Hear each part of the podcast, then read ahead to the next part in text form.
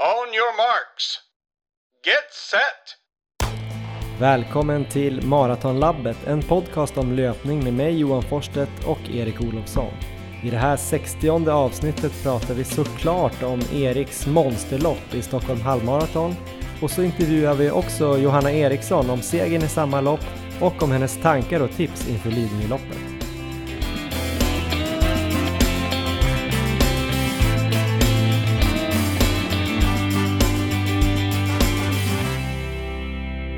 Hej Erik, en 15 mannen Olofsson, hur är läget? Hej Johan, det är toppen här. Hur känns det för dig efter, efter helgen?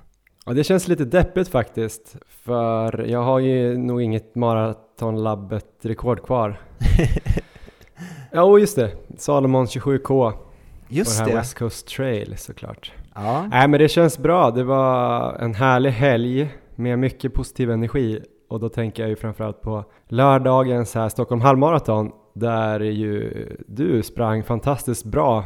Hur är känslan för dig efter helgen? Så här lite kort innan vi kommer prata om det mer antar jag. Ja, ja, men det känns eh, rätt bra i benen. Jag har bara sprungit lugna distanspass efteråt, så jag hade dubbla distanspass igår och ska springa två pass idag också och i lugnt tempo och benen känns... Eh, Erik, Erik, Erik. Inte Ja. benen, hur känns det i hjärtat och själen att springa så snabbt? Det är mer det. Jag har en behaglig känsla, eller du, du är ju verkligen en maskin, du bara tänker på nästa grej. Har du njutit? Ehm, ja, men det har jag gjort, absolut. Och eh, framförallt så är det en väldigt skön känsla att känna att man är på rätt spår. Att träningen har gett någonting och att eh, eh, ja, ja, men det är ju superkul att få ett positivt besked. ja, det låter lite som att du är bättre på att eh, resan till målet, att det är den du njuter av. Att gå ut och hamra de här 18 milen i, i, i veckan, mer än att typ njuta av det där fantastiska resultatet. Men vi kommer till det snart. Eh, först vill vi bara välkomna alla lyssnare. Himla kul! Det här är ju avsnitt 60. Och många, jag vet att många har varit med oss från början och det är ju jäkligt kul och vi träffade flera av dem i lördags. Andra lyssnar i kapp, vissa kanske lyssnar andra eller tredje gången. Vi är glada för alla som lyssnar någonting, någon gång. Eh, vi vill också tacka Löplabbet för att de stöttar oss här i höst på våra, våra resor här mot eh, Valencia och Lidingö och allt vad det är. Eh, jättekul!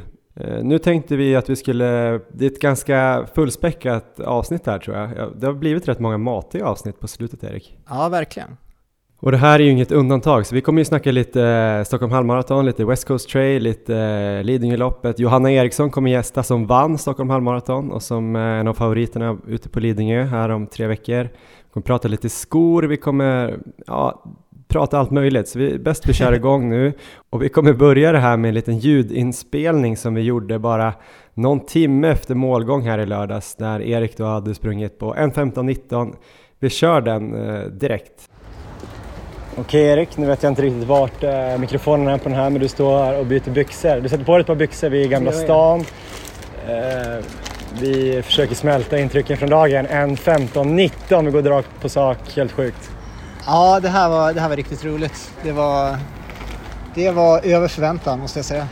Men eh, fantastiskt. Du försökte ju eh, dölja dina ambitioner idag. Du har sagt under 1.18 men kanske sa till mig att du skulle kanske gå under 1.16. Hur tänkte du där? Ehm, Jag sa ju 1.18 i avsnitt 1 i år så att jag hade det som mål. Men formen har känts bra de sista två veckorna. Jag har ju fått en väldigt bra träningsperiod. Mycket volym vecka efter vecka. Och ehm, det har känts riktigt bra så att jag fick väl upp någon förhoppning på att kanske kunna gå under 1.16 men samtidigt så kändes det lite kanske som att det kunde vara hybris. Kortfattat och jag antar att vi kommer prata mer om det här i, i nästa, eller det här avsnittet som vi nu lyssnar på. Men eh, eh, direkt efter loppet så här, hur la du upp det och hur kändes det och hur gick det ut? Eh, Första kilometern rusade jag alldeles för fort. Sen så lyckades jag i alla fall komma in i mer planerat tempo runt eh, 3.35. Fick väldigt bra ryggar så jag hade en bra klunga fram till eh, 15 kilometer.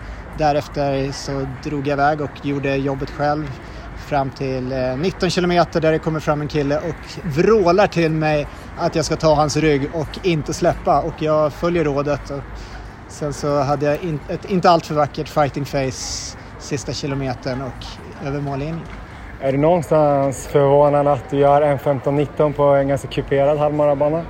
Ja, det här, det här trodde jag verkligen inte, inte så pass bra utan jag trodde kanske att jag kunde ha möjlighet att gå precis under en 16 men det här var, det här var mycket bättre. Riktigt kul. Många säger till exempel Köpenhamn som är om en vecka är liksom så platt som man inte kan tro det är sant. Där kanske hade kunnat gjort eh, en minut snabbare eller något och då är vi väl nere på någon motsvarande 2.39. Hur känner du här inför avslutningen i höst? Ja, men nu är jag jätteinspirerad. Det här, känns ju, det här var ju det beskedet man ville ha så nu, nu ska vi bara jobba ut lite mer uthållighet så, så blir det kul tror jag i Valencia. Och vad säger du om min eh, insats som hare då? 1.23.45? Alltså du börjar ju du börjar kliva fram någon slags urbomklass tycker jag som har en verkligen levererat här på slutet. Så det kan ju, ja, det kan ju vara någonting efter löparkarriären. Eller i slutet av löparkarriären. Det är snällt att du ändå kallar min eh, löp, löparinsats här som en karriär. Ja, det är mäktigt. Uh, ja. Men nu ska vi gå och dricka bärs, eller hur? Yes. Ja, så där lät det alltså bara någon timme efter målgång på Stockholm halvmaraton där ju Erik gjorde en fantastisk insats och vi är ju sådana som dricker bärs efter loppet till skillnad från andra duktiga riktiga elitlöpare som brukar dricka bärs kvällen innan loppet. Ja. Men det är våran stil. Erik, har du smält den här prestationen? Du lät väldigt glad och nöjd där. Är du fortfarande glad och nöjd? Ja, jag är väldigt glad och nöjd. Ehm, så eh, den känslan har jag med mig. Du sa ju där att du hade fått ett ganska bra lopp, förutom att du kanske rusade i början, men du gick igenom kortfattat taktiken där, eh, men stämde allt eller vad skulle du säga? Hur var känslan till exempel eh, första halvan? Jo, men det skulle jag säga. Det var ett, jag tror rent taktiskt så var det ett av de bästa loppen jag ändå har sprungit. Jag fick eh, en klunga som jag sprang med det och jag, det var ju några situationer sen när man funderade på om man skulle gå upp och dra, men ibland var det lite, det blåste ganska mycket. Mm. Så mm. stundtals så kändes det som att man tjänade mer på att bara ligga kvar i ryggen än att gå upp och öka tempot lite och ta vinden själv så att säga. Så att jag, rent taktiskt så tycker jag att det fungerade bra. Och sen fick jag ju ännu ett kvitto på att jag är riktigt dålig i backar. Um, både uppför och nedför. Så uh, där så hamnade jag hela tiden sist i klungan och uh, fick ju bra draghjälp där. Men sen så var jag lite Det var så tydligt alltså att du ja. låg kanske långt fram i klungan och sen hamnade du sist? Ja, det är ganska sjukt. Jag är inte gjord för att springa i kuperad terräng tydligen. Men var det skillnad uppför och utför? Alltså Förut har vi snackat om att du är lite dålig utför kanske, men att ja. det känns som du kan tugga på bra uppför, men det är även uppför alltså? Ja, det är även uppför. Jag är lika, nästan lika dålig, ska jag säga. Ehm, så platt, så platt som möjligt är min typ av löpning. Men eh, känslan efter, om vi tar efter 10 kilometer, så mm. då sprang jag ju faktiskt, jag hade väl någon liten tanke där att det skulle kanske ligga runt 36 ändå. Mm. Vad hade du där då? Jag tror jag hade 35-25. Så det var mm. ju... Eh, under... Pers på milen också då? Ja, det var det. Och med en eh, väldigt kontrollerad och bra känsla. Så den, det tar jag verkligen med mig framåt. Mm. Sen så, det var klart på slutet sen så eh, fick jag jobba mycket hårdare. Sista fem kilometerna framförallt när jag försökte öka. Så att där, där var ju känslan lite annorlunda, men det är ju lite så det ska vara också. Överlag så, eh, ja, jag är väldigt nöjd. Jag tror nog det kan vara det bästa loppet rent taktiskt som jag har sprungit tror jag. Okej, bättre än Jaktviksloppet här i somras som du vann då? Ja, fast det var ju också en intressant taktik att springa i maxpuls hela vägen. Men det kanske inte ja, skulle ha hållit här i helgen tror jag. Nej.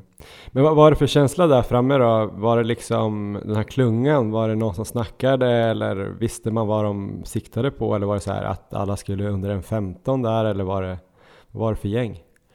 Um, det var inget snack alls utan det gick väl så pass fort att det var ingen som sa någonting. Men det var som att vi, vi blev en klunga på tre, fyra stycken som jag tycker hjälptes åt att dra. Jag vet inte om de skulle hålla med om det, men jag försökte dra lite på de platta partierna och eh, sen så låg jag bakom eh, när det var kuperat. Men det, ja, men det var, jag tycker det var bra, bra hjälp där tillsammans, så jag hoppas att alla fick ut något. Men hur betedde de sig där? Var det så att folk eh, aktade sig för att dra eller var det någon som bara struntade i det och körde eller? Eller var det så sura miner eller? Nej, verkligen inte, utan det var så här bra, bra teamkörning skulle jag säga i våran klunga. Kul, och när du bestämde dig för att gå upp och köra på själv då, då var du så kontrollerat att du kände att det här kan gå fortare eller? Ja, då var det. Då hade jag legat bakom ett tag och eh, sluppit vinden, men sen kände jag att jag hade mer att ge, så då, det var väl 15 kilometer ungefär som jag ökade på och då in mot mål så plockade jag väl några placeringar till. Um, förutom då, den här killen, det var en av killarna som låg tror jag i klungan med oss där, det var han som kom fram och eh, eh peppade mig in, eh, in där sista biten. Jag kollade upp här efteråt så jag får ge honom lite ett extra stort tack här. Det var Henrik Seffer alltså som hjälpte mig och fick mig att springa 15 sekunder snabbare kanske än vad jag hade gjort annars. Det kostade i och för sig några sådana här, jag kan säga att mina målgångsfoton var inte så vackra. Det var inte de värsta fighting facen jag haft men eh, riktigt, riktigt bra pepp på slutet. Ja, härligt. Eh, kollade du någonting på Strava efteråt eller på klockan efteråt? Det gjorde du säkert eh, pulsmässigt och sådär. Hur låg du då under loppet? Vad känner du att var din halvmara puls jämfört med tröskel till exempel? Ja, det är lite svårt att säga nu vart tröskelpulsen är just nu. Nu var det så länge sedan vi mötte det, eller mätte upp den, men 168 eh, låg jag ganska stabilt fram till 15 kilometer. Och sen ökade jag, okay. så jag var väl uppe i 170 och sen så sista biten in mot mål, där kanske upp mot 175. Men om man jämför till exempel med Rotterdam Marathon i, i höstas, då sprang jag ju i bra bit över 175 stora delar av loppet och eh, det var ju bara det jag nådde här absolut sista kilometern. Så det är stor, stor skillnad i form. Grymt! Ja, härligt att få en sån fullträff. Ja, så det var roligt. Men du sprang också Johan, ska du berätta lite om ditt lopp? Oh, men det var ett bra lopp för mig också. Jag fick faktiskt ett mess här av Christian Munt som jag gratulerade till segern där för Johanna Eriksson och då skrev han ju att jag såg oförskämt lätt ut. Så jag måste ha, det måste ha varit bra ändå. Då. Nej, men det, det var ju så att jag bestämde mig för att hara folk under 1.24. Så eh, det gick bra. Jag sprang in på 1.23.45 och jag hade 39.50 vid 10 kilometer så det var ju en ganska bra harning. 3.59 hade jag väl i snitt, kanske 3.58,5 så ja. det var väl kanske någon sekund snabbt. Jag fick faktiskt eh, bromsa lite där på slutet. Eh, jag tror jag gick lite för hårt kanske mellan 15 och 20. Men eh, det var ju för att jag ville verkligen hjälpa alla fram där och vara säker på att vi skulle klara det. Men du hade några som eh, var med dig hela vägen in? Ja, men jag hade nog åtminstone fem, sex killar eller kanske sju som var med eh, ända från start till mål. Eh, några som jag hade pratat med och några som liksom dök upp ganska snabbt. Någon som jag tror visste om att jag skulle ha det men som jag kanske inte hade hunnit prata med innan. Eh, och sen så blev det ju sådär under loppet att vi, ja, eftersom vi körde lite progressivt så plockade vi folk hela tiden och några lyckades ju hänga på. Kanske inte de vi plockade första halvan men eh, från 15 och in så var det nog några som bet sig fast och eh, fick en liten extra hjälp in mot mål där. Och det var någon som kom fram, någon, någon tjej där som hade sprungit, hon kanske kom 10 eller något sånt där hon plockade vi där när det var några kilometer kvar och hade krigat sig kvar. Så att, eh, hon var glad och så var det ja. många i målet där som, några stack ju där också vid, eh, jag hetsade ju några att sticka där vid Slussen ungefär. När Just det, mest bara utför och platt kvar, de som såg ändå hyfsat starka ut. Så det var ju några där, eh, Johan Forsman, Niklas Mylfalk, han Per, vad han nu hette i efternamn, eh, tror jag Viktor. Ja, det var ganska många ändå som stack där och fick väl eh, typ en 23.30, en 23.15 och sådär. Så de var nöjda. Sen var det en snubbe som hette Kasper som jag nästan måste be om ursäkt för att jag sprang och hetsade så jäkla mycket hela Skeppsbron. eh, han hade typ inte pratat med mig, men han låg bredvid mig ja. hela loppet och såg så jäkla stark ut. Eh, sprang ganska lätt, hade liksom så här proffslangning. Jag tror det var hans tjej som stod och langade vätska någonstans eh, vid eh, Norr och så. Eh, nej, men han såg stark ut, men han började tappa där sista ett och ett halvt, två kilometerna så såg han plötsligt lite tyngre ut. Så, så jag bara antog att det var en 24 han skulle in på eh, och jag trodde att det började bli lite tight. Så jag gick, som gick ju ner i fältet där och försökte plocka upp honom och Aha. så skrek jag på honom där och att vi kommer klara och han bara nej det är för tidigt att spurta typ så. Jag bara nej men vi kan göra det här liksom, du, vi hinner, vi klarar det. Och sen klarade han det med 14 sekunder så han hade ju heller inte behövt kanske dynga på så mycket. Men han är säkert nöjd ja. idag. Eh, så det var kul. Det påminner mig om min avslutning av loppet. Ja, lite så tror jag. Eh, men du var ju för sig glad att den killen gjorde det, så att han kanske är glad också. Det tror jag. Nej, men det är ett väldigt kul sätt att springa lopp på. Jag skulle nog rekommendera alla att testa någon gång. Eh, dessutom blev det ju ett väldigt bra träningspass för mig. Alltså, det är inte som att jag snyter ur mig eh, en halvmara i fyra fart sådär superlätt, så det var ju ett väldigt bra kvalitetspass. Ehm, och kanske någon typ av fingervisning vad man skulle kunna våga prova på en maraton eventuellt om det kommer någon sån i livet igen. är, det, är det något du vill berätta Johan? Nej, eh, jag kan vara så att jag har sprungit min sista maraton, att det var i Frankfurt. Men om, om mitt handikapp med krampen där skulle försvinna så kanske man testar någon gång igen. Och då är det kul att ha provat lite så här och springa lite submaximalt och chans att uppleva liksom loppet med alla som hejade och ja, kolla in banan och Stockholm och det var ju fint väder och liksom sådär. Och sen känna så här olika saker som vinden och sådär. Man kände ju det rätt mycket när man springer där framme och hur mycket det gör. Alla gick ju in bakom mig, de var väldigt disciplinerade. Och till och med en som låg så tätt på mig Ja, han höll på att fälla mig tror jag fem, sex gånger sparkade han på mina fotsulor så här. Så första gången var det väl lite så här, ja, grymt så här. Andra gången också, han bara, ja men han är jävligt het den här killen, han är grym att ligga bakom.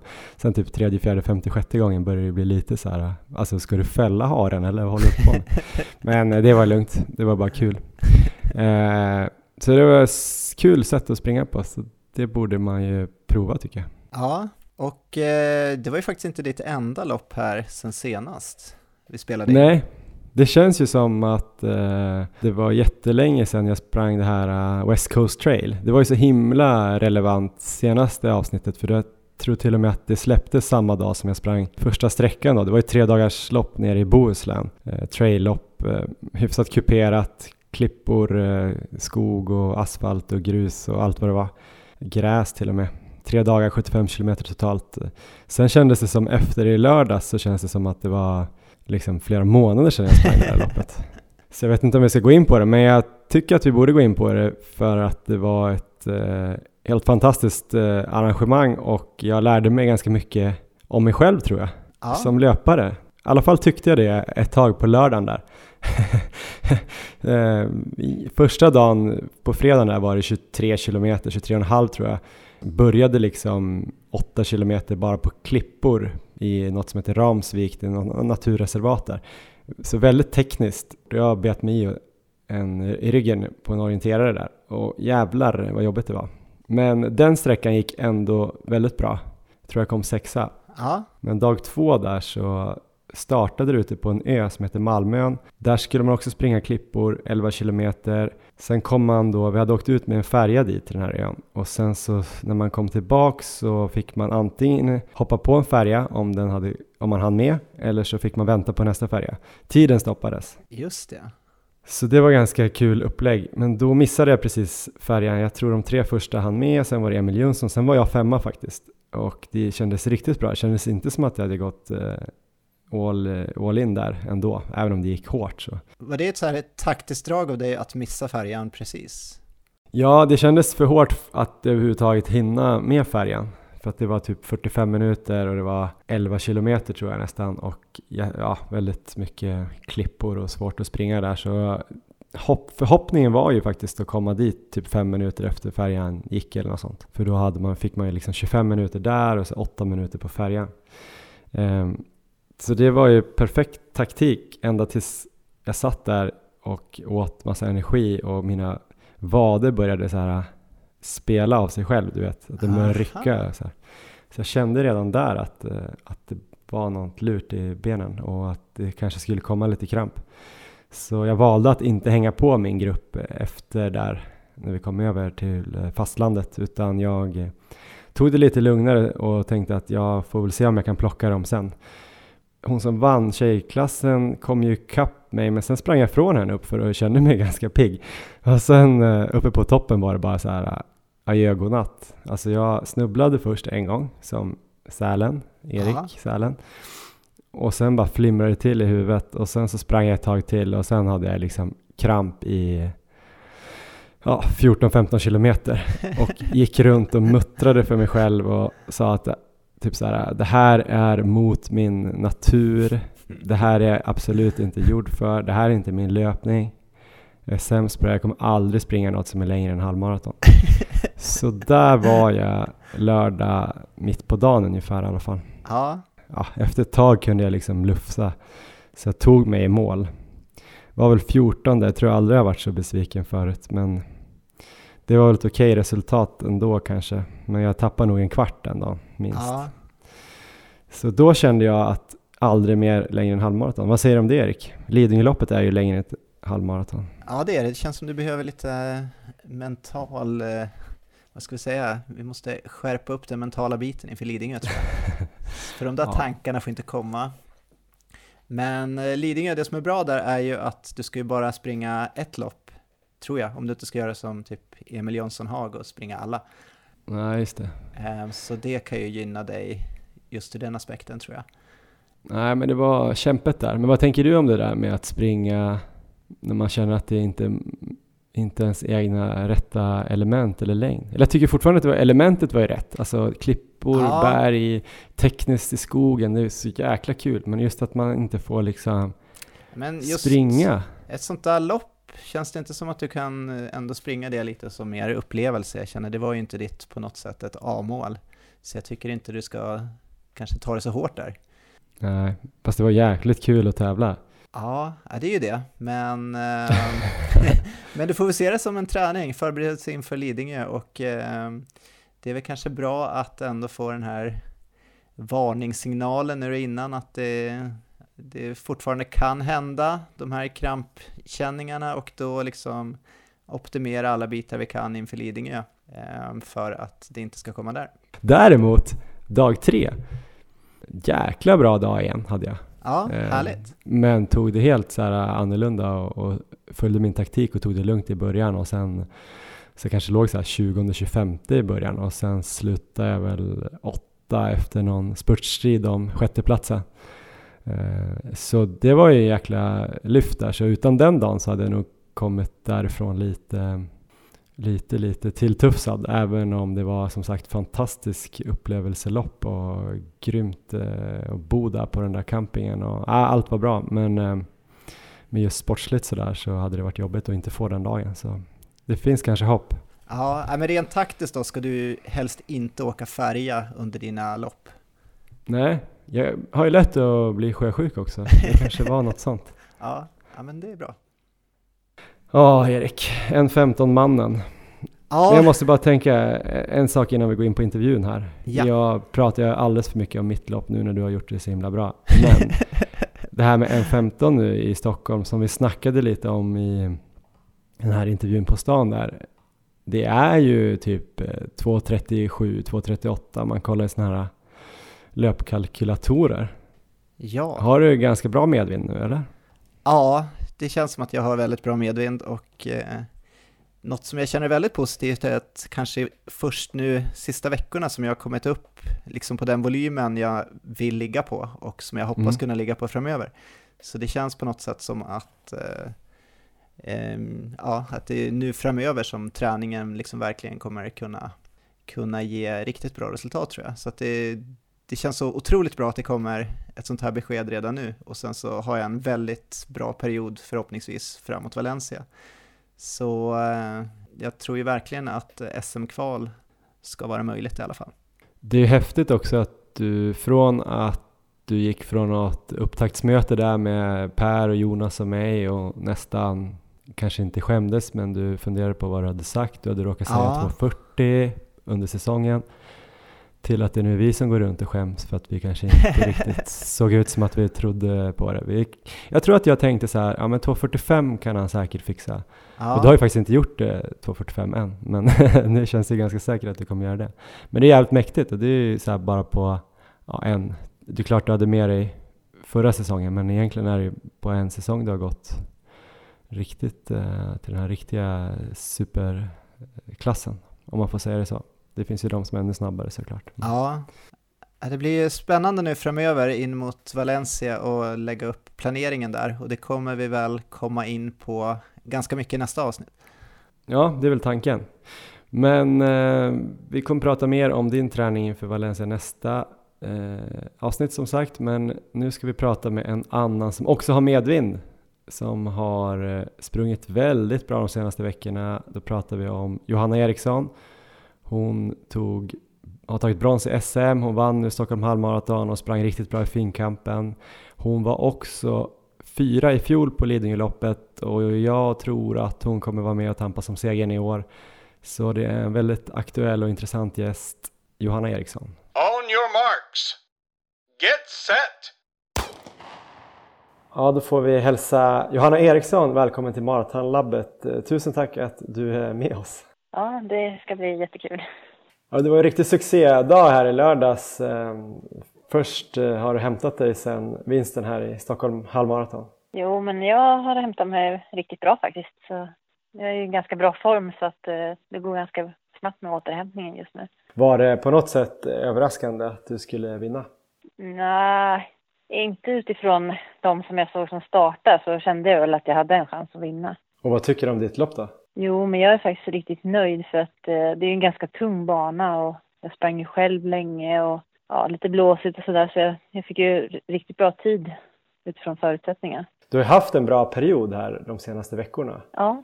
Du, först så sprang du för Sverige i finkampen Mm. och kom trea på 10 000 och sen försvarade du ditt brons på SM, Mm. också på 10 000 och nu Stockholm halvmaraton. Vilken av de här tre upplevelserna har varit störst för dig och varför? Eh, det måste vara finkampen. Det, alltså, man får ju representera Sverige och det är väl ens mål liksom att man vill komma med i landslaget och så. Sen var det ju liksom upplevelsen att springa på Stockholms stadion och mycket publik och sådär.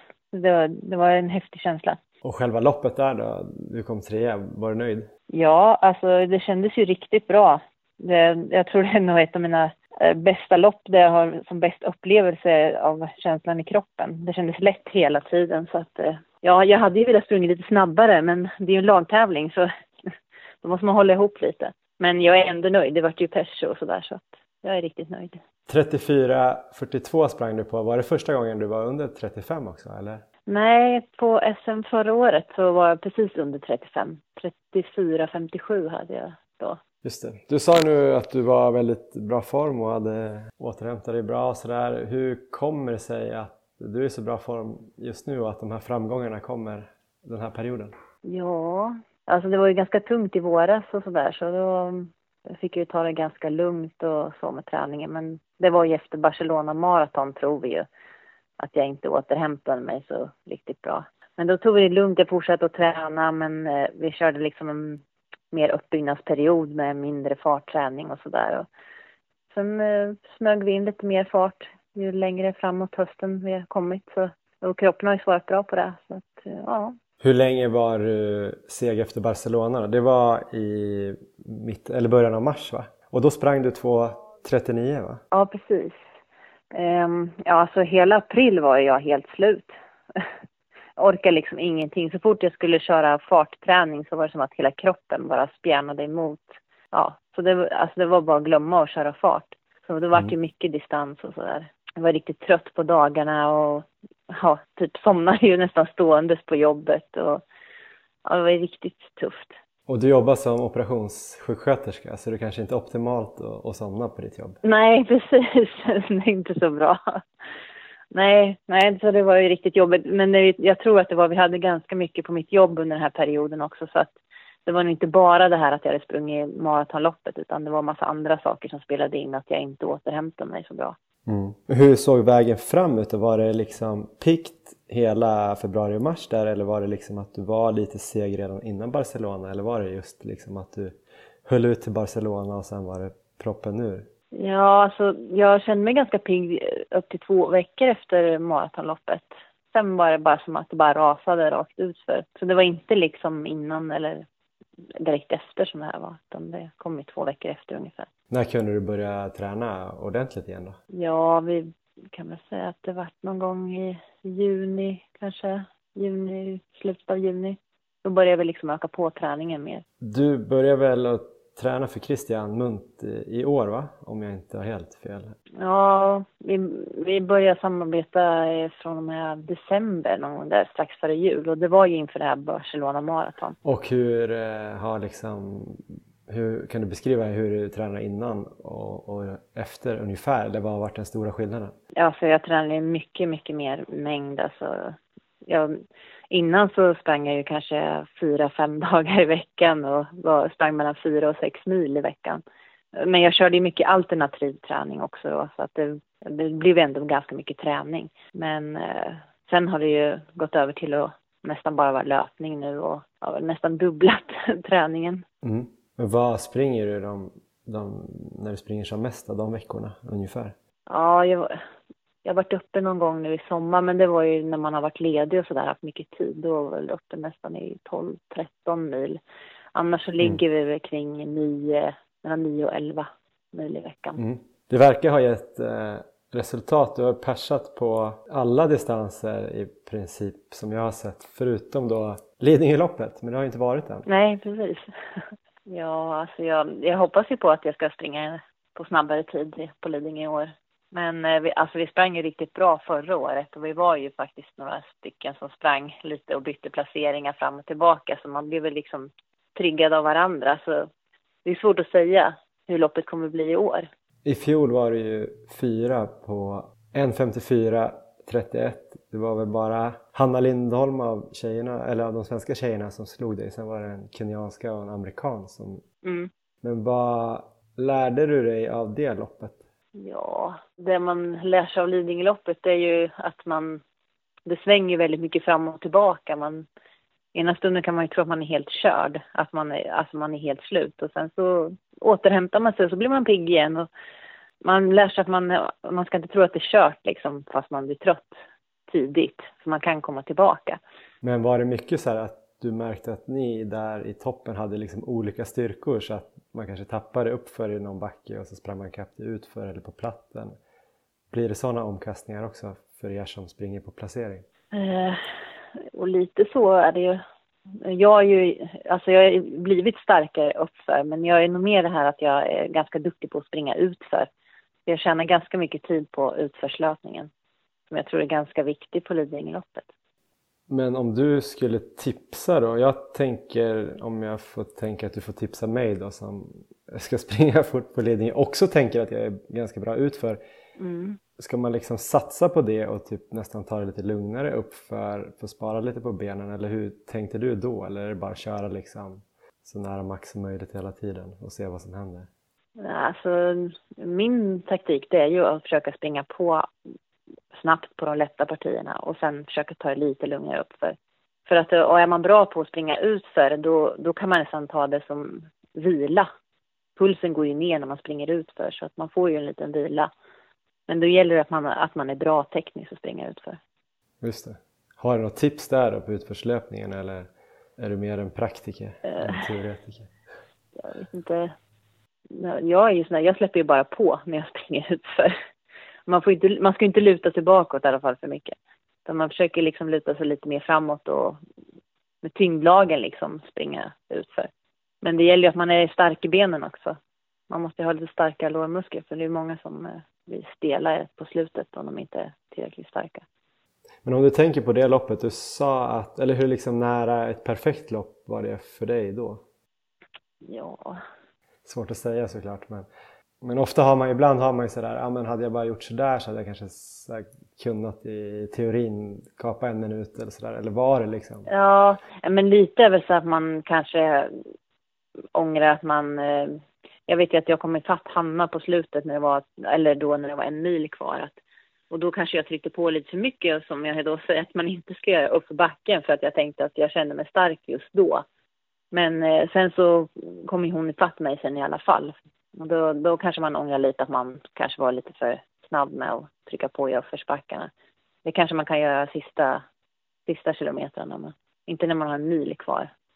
Eh, jag tänker, du har ju persat nu ganska rejält på maraton och halvmaraton och lite grann på milen också. Så här, hur, vad tror du om det är perfekta förutsättningar? Hur mycket kan du kapa på Lidingöloppet?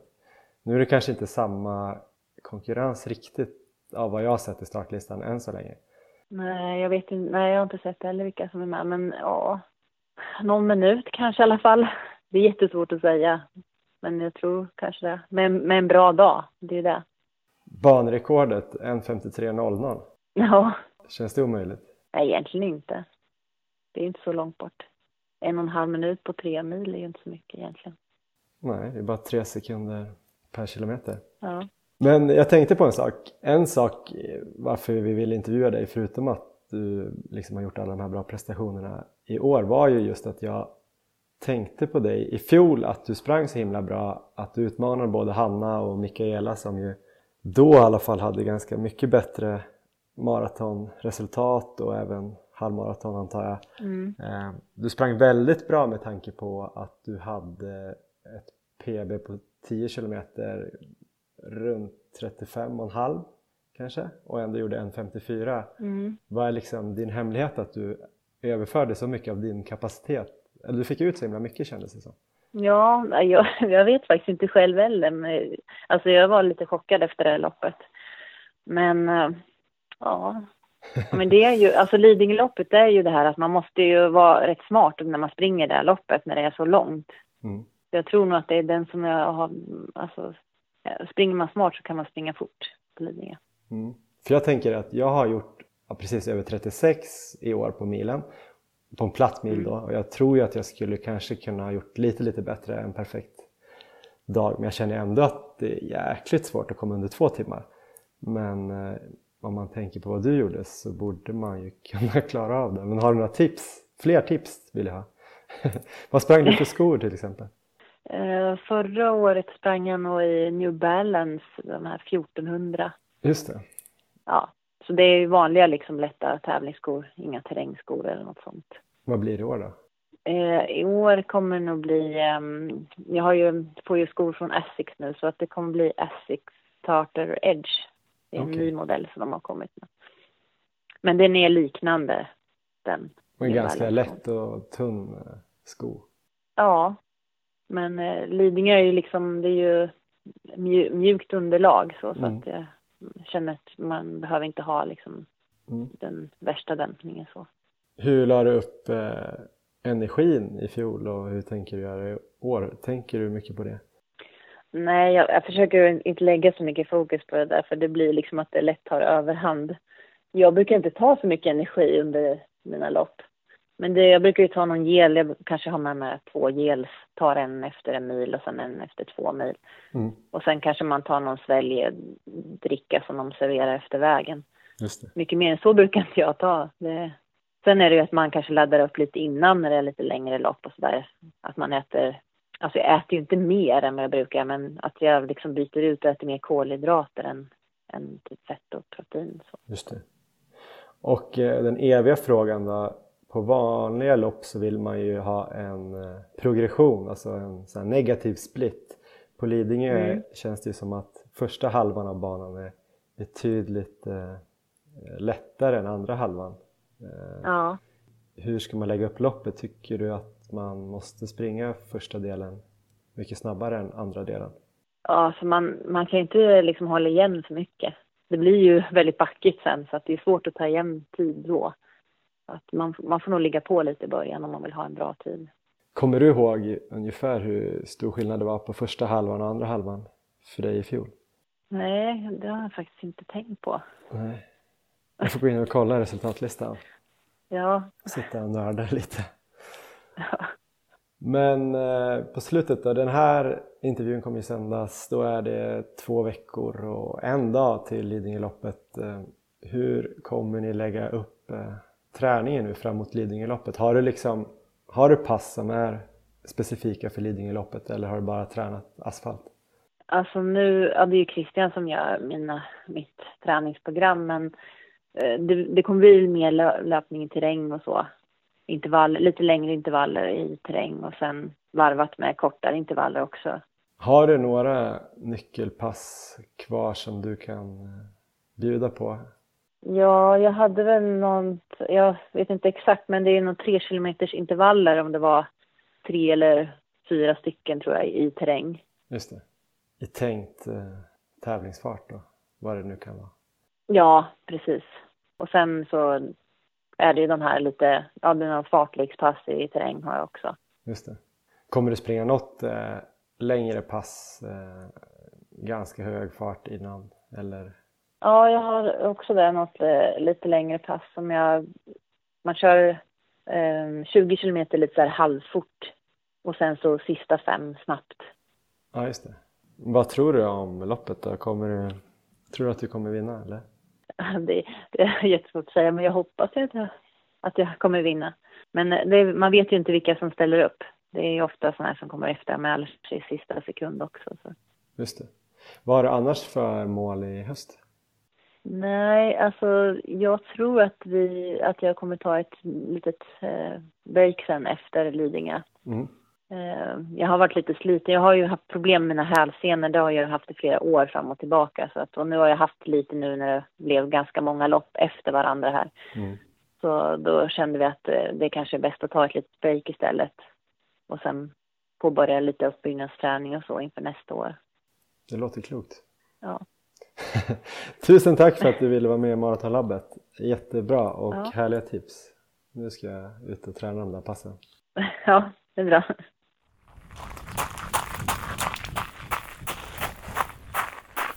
Ja, då tackar vi Johanna Eriksson än en gång. Erik Olofsson, eh, hon var ju faktiskt lite bakom dig i lördags, fast hon vann damklassen. Eh, vad tänkte du kring intervjun?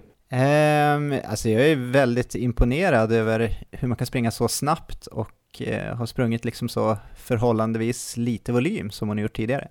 Just det, volymmannen, uh, hon ligger ju i lä där. Ja, men betydligt större talang än mig, kan vi säga. Men, uh, så det är väldigt intressant nu med den här, nu när hon börjar träna med Christian Munt och kommit upp i volym, vad som liksom kan hända framöver. Men Eh, jag tycker det var intressant också den här perioden efter Barcelona Marathon och mm. vad som hände då, för att eh, vi har ju hört en del förut att det kan ju hända om man kliver på lite för tidigt med eh, träning efter en mara, att man kan få lite sega ben som sitter i väldigt länge.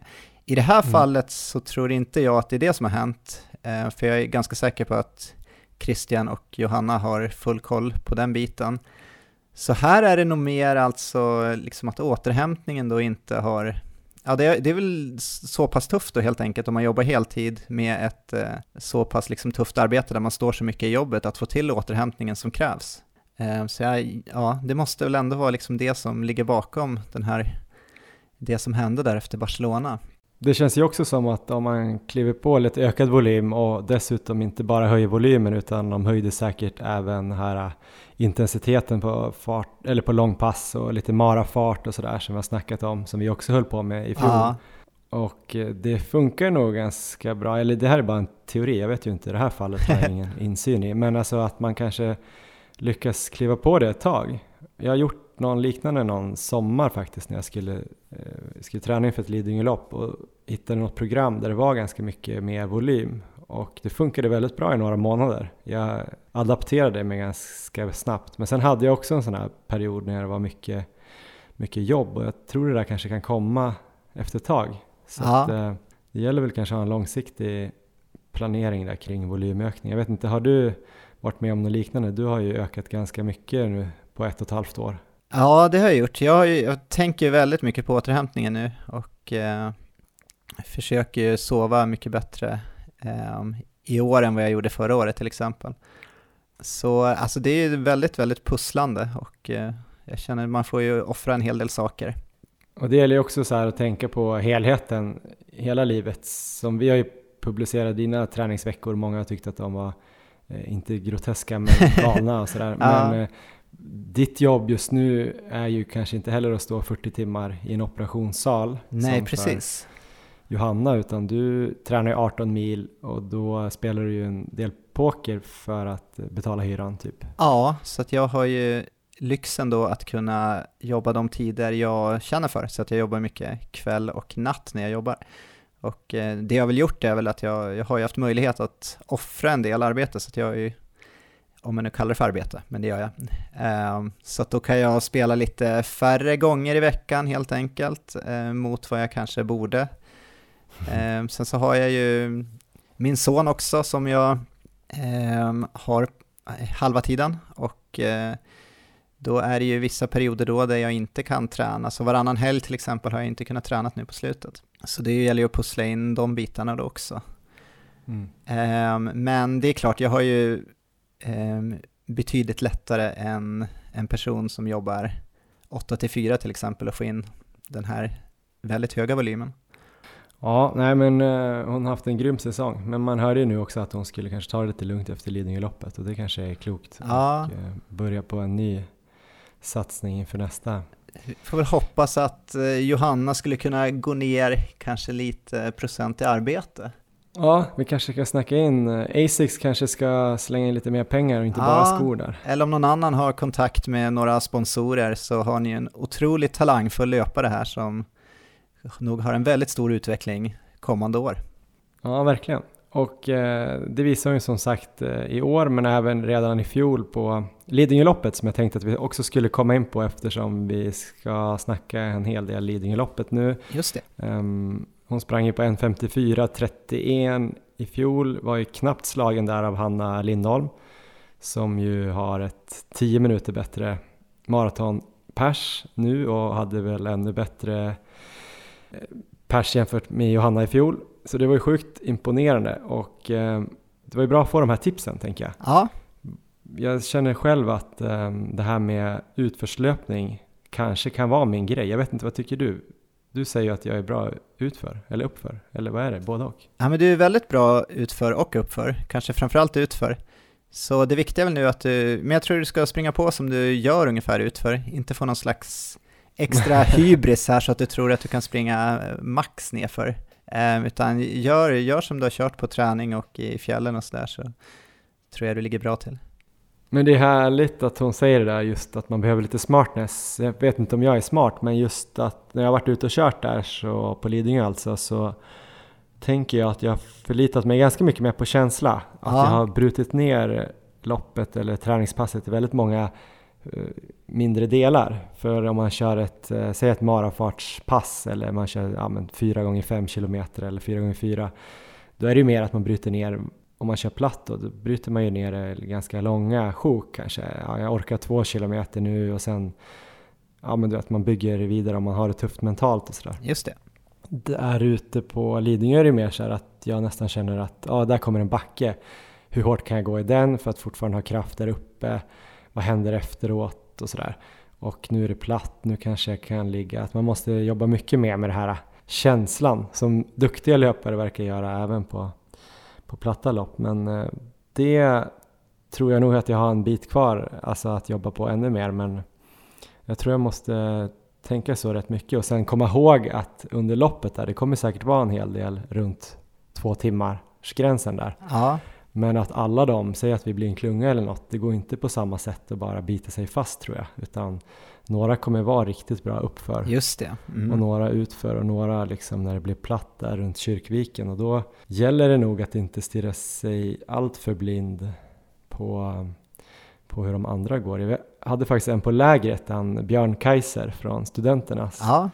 Som uh, har uh, sagt att han skulle kunna höra mig på Lidingöloppet. Jaha. Och det är ju sjukt eh, bra eh, erbjudande såklart. För att det, vore, det är alltid väldigt hjälpfullt.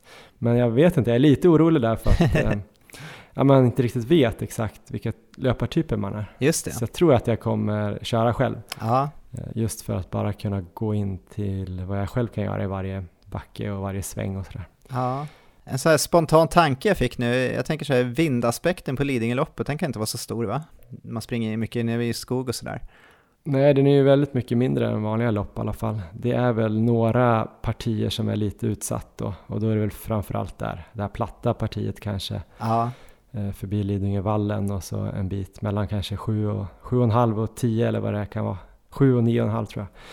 Där skulle det kanske kunna blåsa på. Har man lite oflyt med motvind där så kanske man borde ta lite ryggar. Ja. Men då är det å andra sidan väldigt platt så då kanske man också kan eh, kolla lite mer på klockan så att man ligger i hyfsat rätt fart där och rätt rygg. Just. Men det är ju nästan omöjligt att kolla på klockan, eh, alltså just eh, utifrån fart när man springer i de här mest kuperade partierna. För det skiftar ju hela tiden. Då får man ju kanske då eventuellt gå lite på puls om man vill göra det. Ja, Hur tänker du Johan kring de båda halvorna här? Eh, planerar du att gå lite snabbare på första halvan så som Johanna är inne på?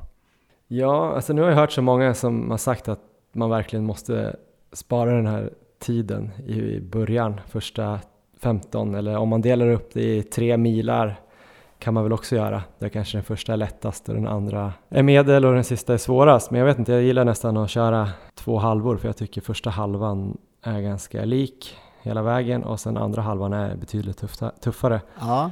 Vi snackade ju om splittarna där med Johanna och hon hade inte riktigt exakt koll. Nu har jag kollat eh, och enligt Lidingöloppets resultatlista där så ser det ut som att hon sprang första 15 i 3.43 fart ja, eh, och andra 15 i 3.55 just det. snitt. Så andra halvan då nästan exakt eh, tre minuter långsammare än första halvan.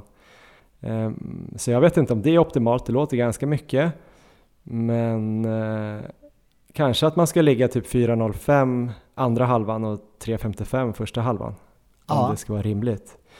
Eh, det kanske är någonting, inte allt för offensivt i början, eh, men ändå så att man har lite extra sekunder att gå på i de här tuffa partierna mellan 16 och 19 och sen de tre stora backarna på sista milen. Ja, Vad tror du kring det? Är det lite lagom? För är, heller, man vill ju inte gå ut i 3.45 heller nej verkligen. och vara helt död i 15. Det kommer ju bli kontraproduktivt. Ja, men det låter, ju, det låter ju väldigt rimligt. Du som har sprungit banan ett antal gånger nu, känns det, känns det som en rimlig väg att gå? Jag tror det. För att det är ju som sagt, men då i den här första 15 så är det ju också då, ska man veta, vissa branta backar.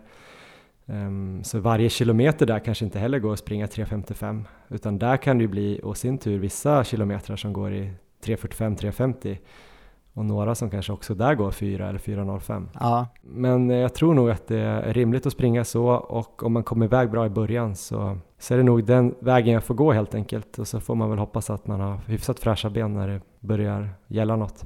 ja, spännande. Men en sak som jag undrat väldigt länge över Johan och många andra har frågat på Instagram och så vidare också, det är ju vilka skor du ska springa i på Lidingöloppet. Har Mm. du bestämt det här nu?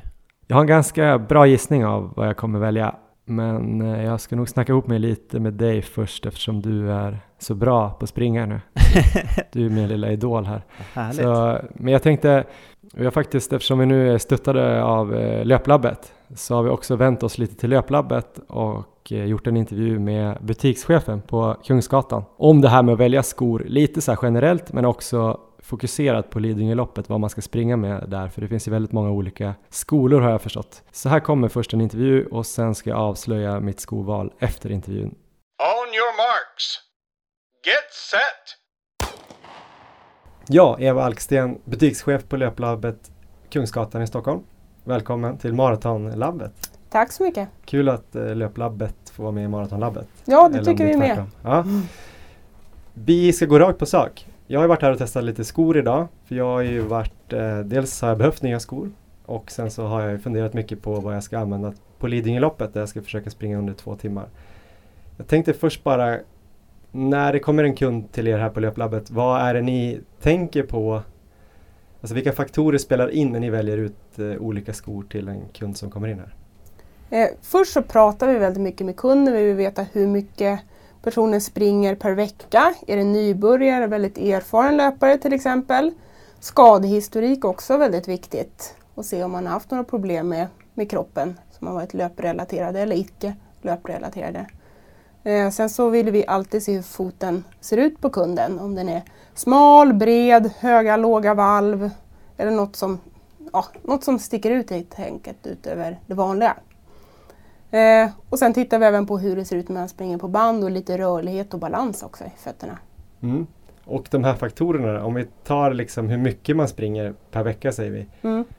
När ni får veta det, vilka, vilka liksom val gör ni då? Liksom hur, hur mycket är lite och vad får man då för skor och sådär?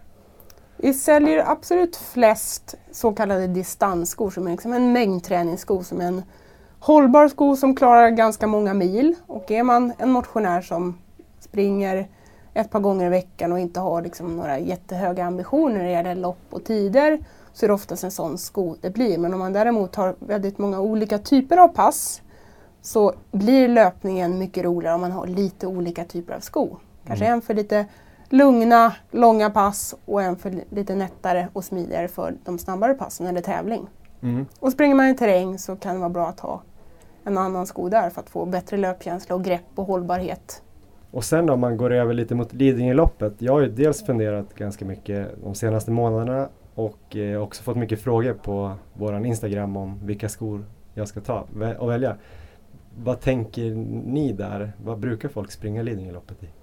Något som väldigt många tror när, man, när de kommer in hit det är att de behöver en terrängsko för Lidingöloppet för de går ut lite mer att ett stort terränglopp. Men tittar man på underlaget så är det ju det är grus och asfalt och då klarar man sig jättebra med en vanlig så kallad distanssko för asfalt och grus till exempel. Eh, sen så beror det alltid på om man ska vara ute i en timme och 45 minuter eller om man ska vara ute i tre timmar.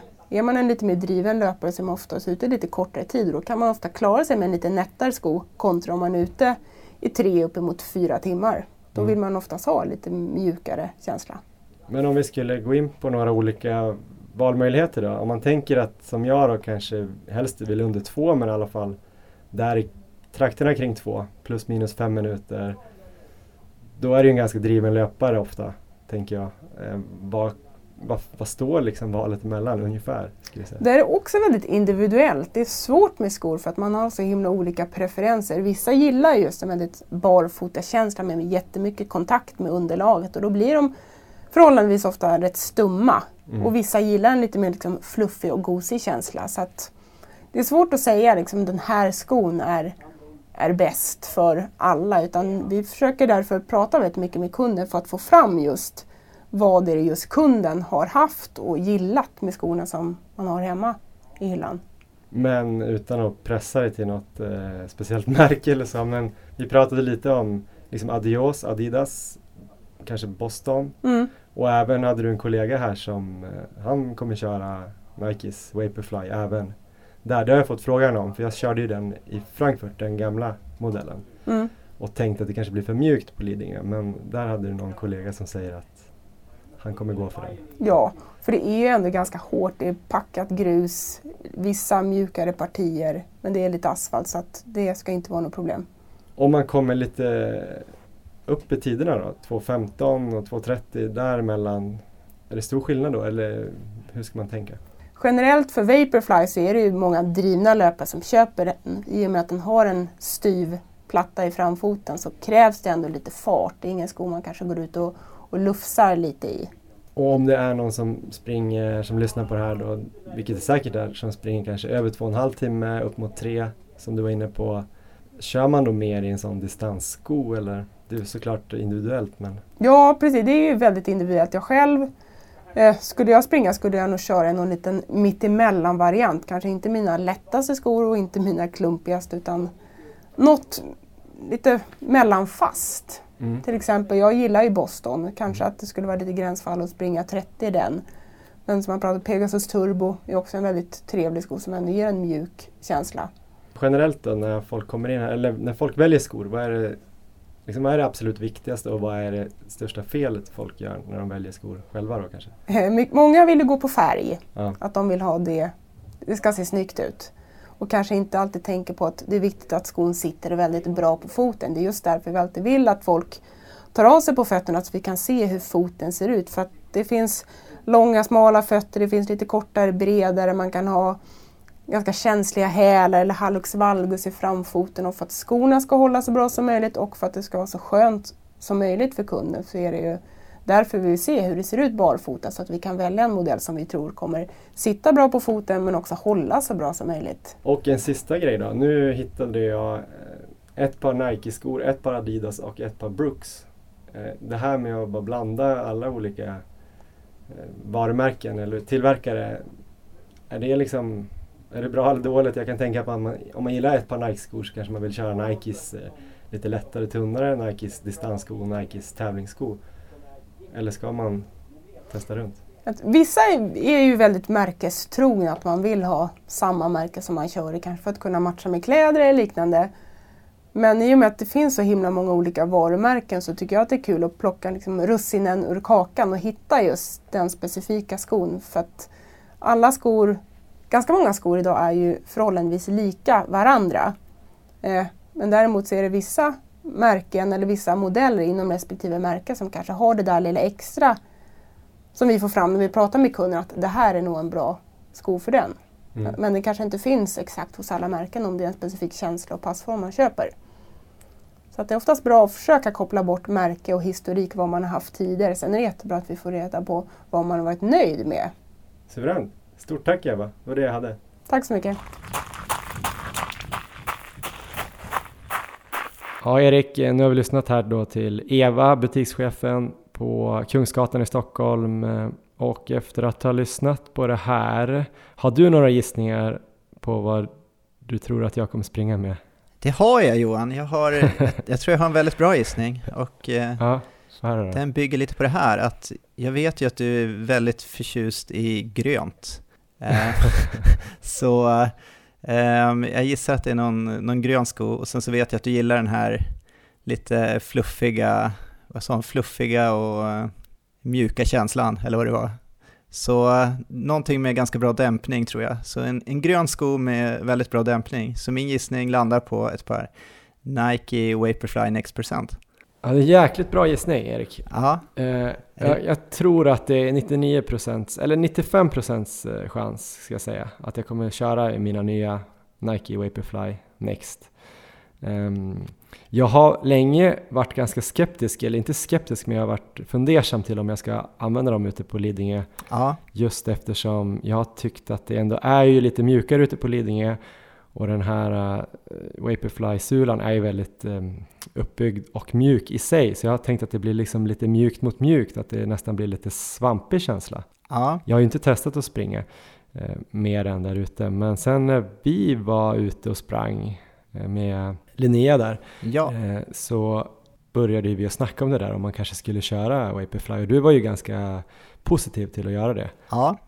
För att det var ganska hårt, speciellt den kvällen. Det var torrt och ja, fint där så att man känner ju då ändå att det är ju liksom inga rötter eller något sånt där. Och, ja, nej, så jag vet inte, de kanske ger den skjutsen ändå. För jag var rädd att man skulle få ett ganska stumt steg på något sätt och att man då vill ha någonting plattare och sådär. Som, där man verkligen får känna lite kontakten, det som Eva var inne och snackade på. Jag gillar egentligen den känslan mer. Ja. Alltså om jag verkligen skulle tänka löpglädje. Ja. Men om jag nu tänker jag måste springa under två timmar. Då tror jag ändå att den här lilla skjutsen som jag ändå tycker Vaporfly ger ehm, kommer, ja, jag måste ha den helt enkelt. Ja. Och sen har jag också hört eh, efter det här, jag pratade dels med eh, Klas, han som um, harade Mikaela i London. Han sa ju också liksom att alla de bästa löparna där kommer köra Vaporfly och jag har fått lite andra tips om Vaporfly så nu känns det som att om det inte då blir tokblött här sista Precis. veckan in och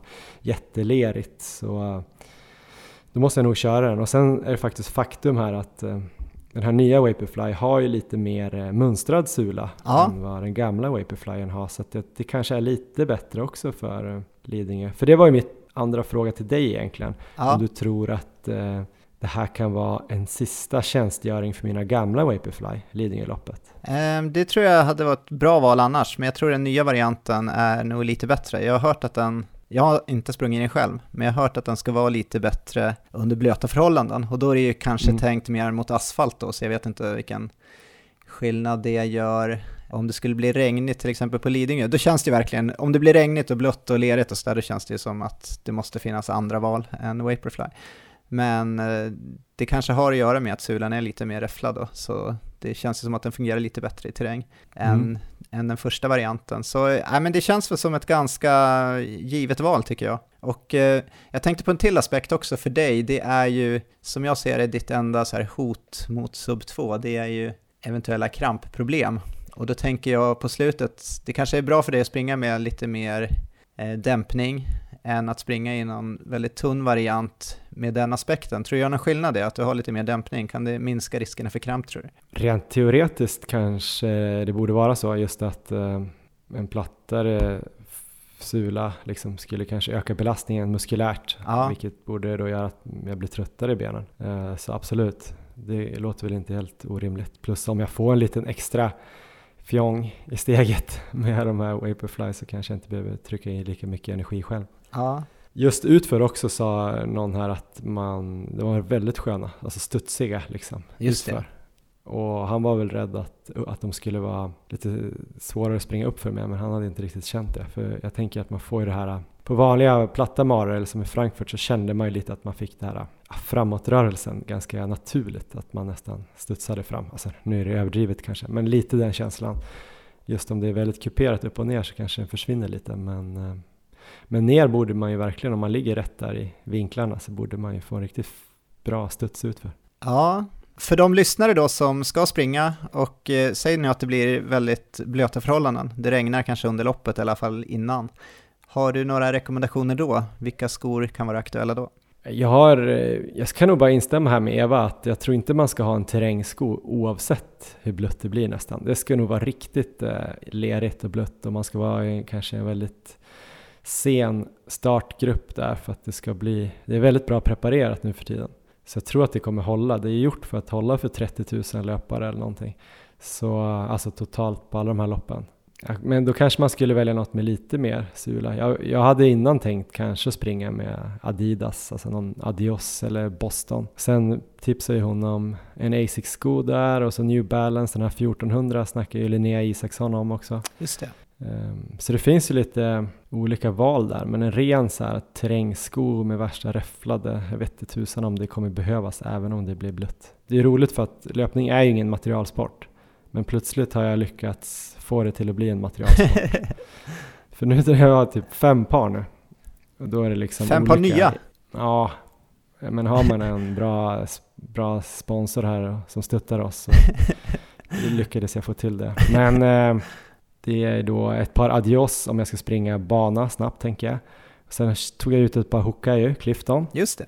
De tror jag nog mest kommer att använda på lugnare distans, typ återhämtning och sånt där. Det Ja. är ganska mycket sula i dem. Eh, sen Pegasus 36 blev det. De har jag ju sprungit i, den modellen, sen 32 tror jag. Den känns väldigt pålitlig allround. Kanske lite snabbare distanspass och vanliga distanspass. Lite lång, långpass också. Och så var det du som sa att jag måste skaffa ett par till Zoomfly Ja, för att eh, bygga in till eh, Vaporfly då, om man ska springa, för de är rätt lika i känslan.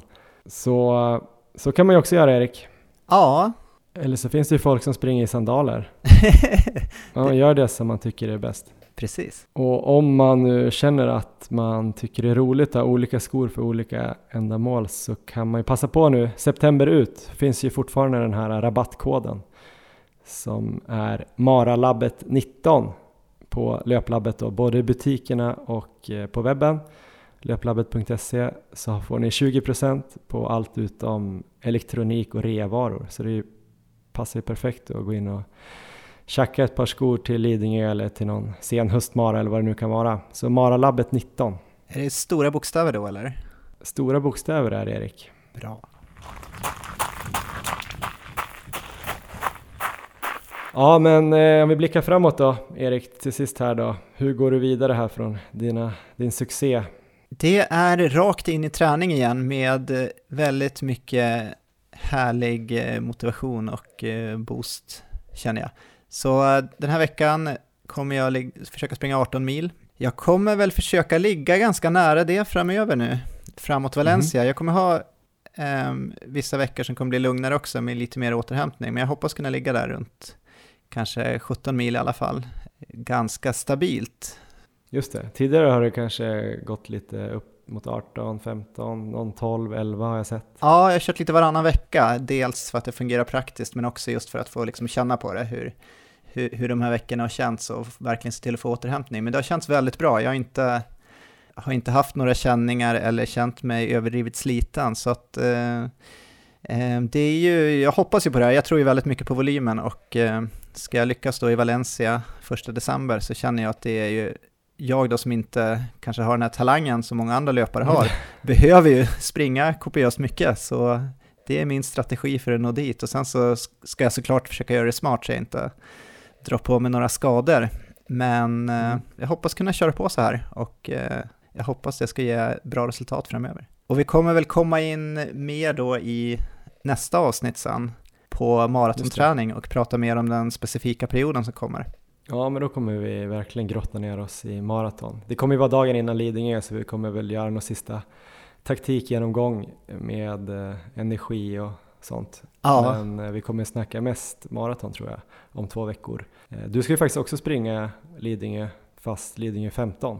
Kommer Ja. lägga in något pass som liknar det eller kommer du bara köra det som en träningspass? Nej, det är bara som ett träningspass för mig. Det är eh, inget A eller B-mål ens skulle jag säga. Utan det är mer för att det, jag kommer ju vara där ute och titta och det känns det roligt att få springa det där loppet innan, innan du ska starta. Ehm, och jag har inga förhoppningar alls egentligen. Jag har ju provsprungit banan och jag vet att det inte passar mig alls. Så det, kommer jag i mål och liksom inte har vurpat och eh, gjort illa mig så kommer jag vara nöjd oavsett tid. Sen så ska, sen så ska jag ge mig ut längs banan och eh, ropa in dig under två timmar. Mm, du kanske kan eh, langa lite energi också? Det kan jag göra.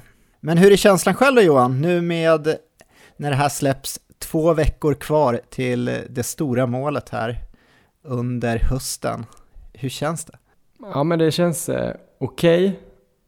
Jag har väl tvivlat lite och varit lite osäker på formen och om jag har tränat rätt eller om jag har liksom flamsat runt med för mycket olika tävlingar hit och dit. Men eh, jag har nog en ganska bra grund nu ändå. Jag kollar tillbaks lite Strava och jag har legat eh, kontinuerligt på en, för mig, ganska hög volym. Um, Alltså du har varit sjukt stabil skulle jag säga. Det är så här nio mil vecka efter vecka efter vecka. Det måste vara så här tio veckor. Ja, jag hade väl en liten eh, 65 kilometers vecka faktiskt förra veckan nu, men det blev lite där med lägenhetsförsäljning och eh, mycket admin och så loppet där då i lördag, så det blev ett pass för lite egentligen bara. Annars hade det nog varit 80 där också. Och du är aldrig sjuk.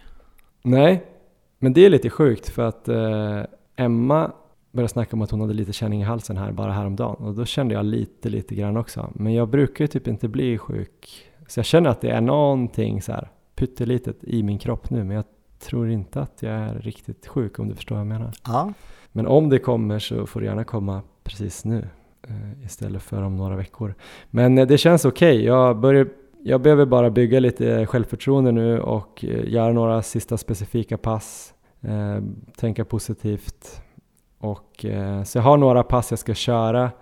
Nu är det torsdag och jag tänker köra, jag tror jag kommer köra fyra gånger 2,5 kilometer i eh, Lidingö Lopps fart. Eventuellt kör jag en femma och två två och en halvor just det. på ett elljusspår här i Nackareservatet som är ganska likt, kuperat och fint. Och sen på söndag kommer jag göra ett genrepspass där ute på Lidingö där jag kommer springa sista 20 i någon form. Antingen rent i någon sorts eh, några sekunder långsammare än Lidingölopps fart eller eventuellt lite olika farter beroende på partier. Jag hittade någon, något roligt pass där eh, någon löpare som hade gjort en 46 för några år sedan som hade något eh, ganska kul exempel. Ja, Och då var det lite olika. Några var i Lidingöloppsfart, några var lite, de tuffare partierna var lite långsammare.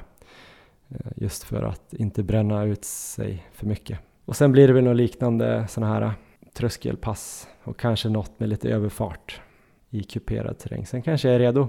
eh, jag tror du ligger riktigt bra till. Och Mm. kul att det närmar sig. Ja, det känns ju sjukt inspirerande. För första gången på länge känns det som att jag börjar längta till loppet. Eller det har jag väl gjort hela tiden, men jag har varit så här osäker. Nu känner jag att nu gäller det bara att knyta ihop den här säcken och eh, damma av en, riktigt bra Lidingölopps... Ett riktigt bra Lidingölopp, vad säger Ja. man? Ja, men det låter väl okej. Ehm, ni kan ju kanske kolla vidare på Instagram, det heter Maratonlabbet. På Strava, Johan Forstedt och Erik Olofsson. Så kan ni se om vi fortsätter att träna, vilket vi nog kommer göra ett tag till. Um, vad behöver man mer hålla koll på Erik? Man behöver köpa skor på Löplabbet. Ja, det kan vara bra om det behövs. Och så annars så hörs vi om två veckor igen. Precis. Och ses då kanske om drygt två veckor ute på Lidingö. Det blir riktigt kul. Det är fortfarande platser kvar där, till alla lopp tror jag. Ja, Du ska springa 15 kilometer på lördag morgon. Någonstans runt 9, halv 10 startar det loppet. ja. Sen är det 30 kilometer med första start 12.30. Sen på söndagen går det här 10 kilometers loppet också. Så det finns ju något för alla. Och man kanske kan få ta en autograf eller en bild med Super-Erik, en 15-mannen. jag kan nästan lova att man kan få en kram också. En kram kan man få. Med de orden så tackar vi för den här veckan. Ha det bra Erik. Ha det bra Johan.